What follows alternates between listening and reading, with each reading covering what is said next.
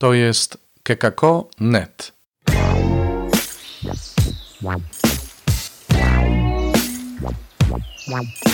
Poranny suplement diety.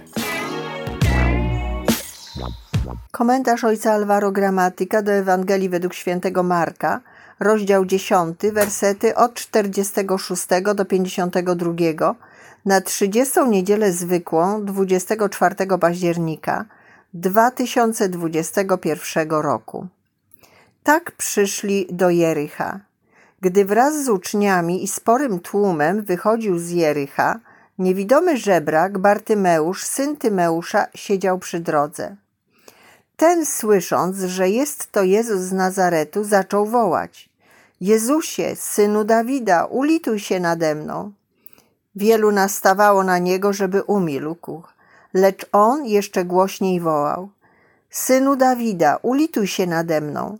Jezus przystanął i rzekł: Zawołajcie go.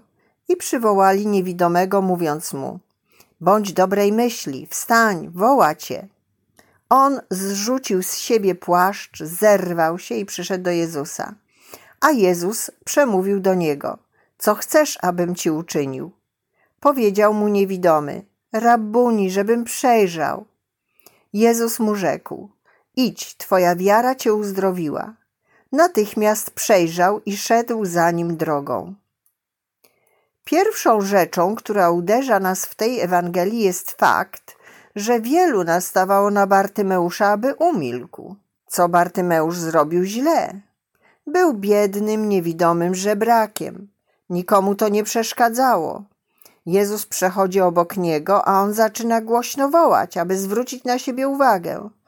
Wiedział, że Jezus może go uzdrowić i nie chciał przegapić tej okazji. Logicznym byłoby oczekiwać, że ludzie przyprowadzą go do Jezusa.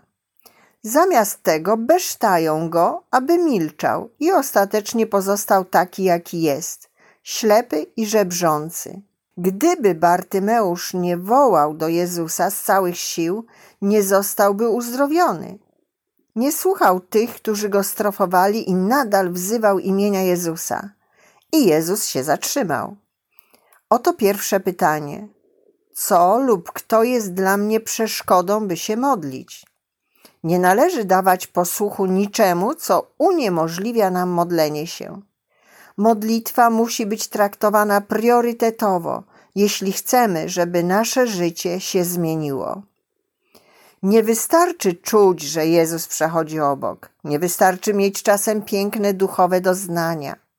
Potrzebne jest nasze zaangażowanie się w modlitwę. Zawsze znajdą się wymówki, by się nie modlić. W istocie to właśnie te wymówki powinny nas zachęcać do jeszcze intensywniejszej modlitwy.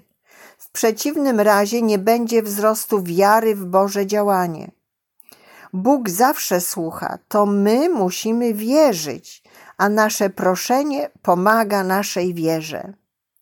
Drugą rzeczą, która rzuca się w oczy, jest pytanie, które Jezus zadaje Bartymeuszowi: Co chcesz, abym ci uczynił?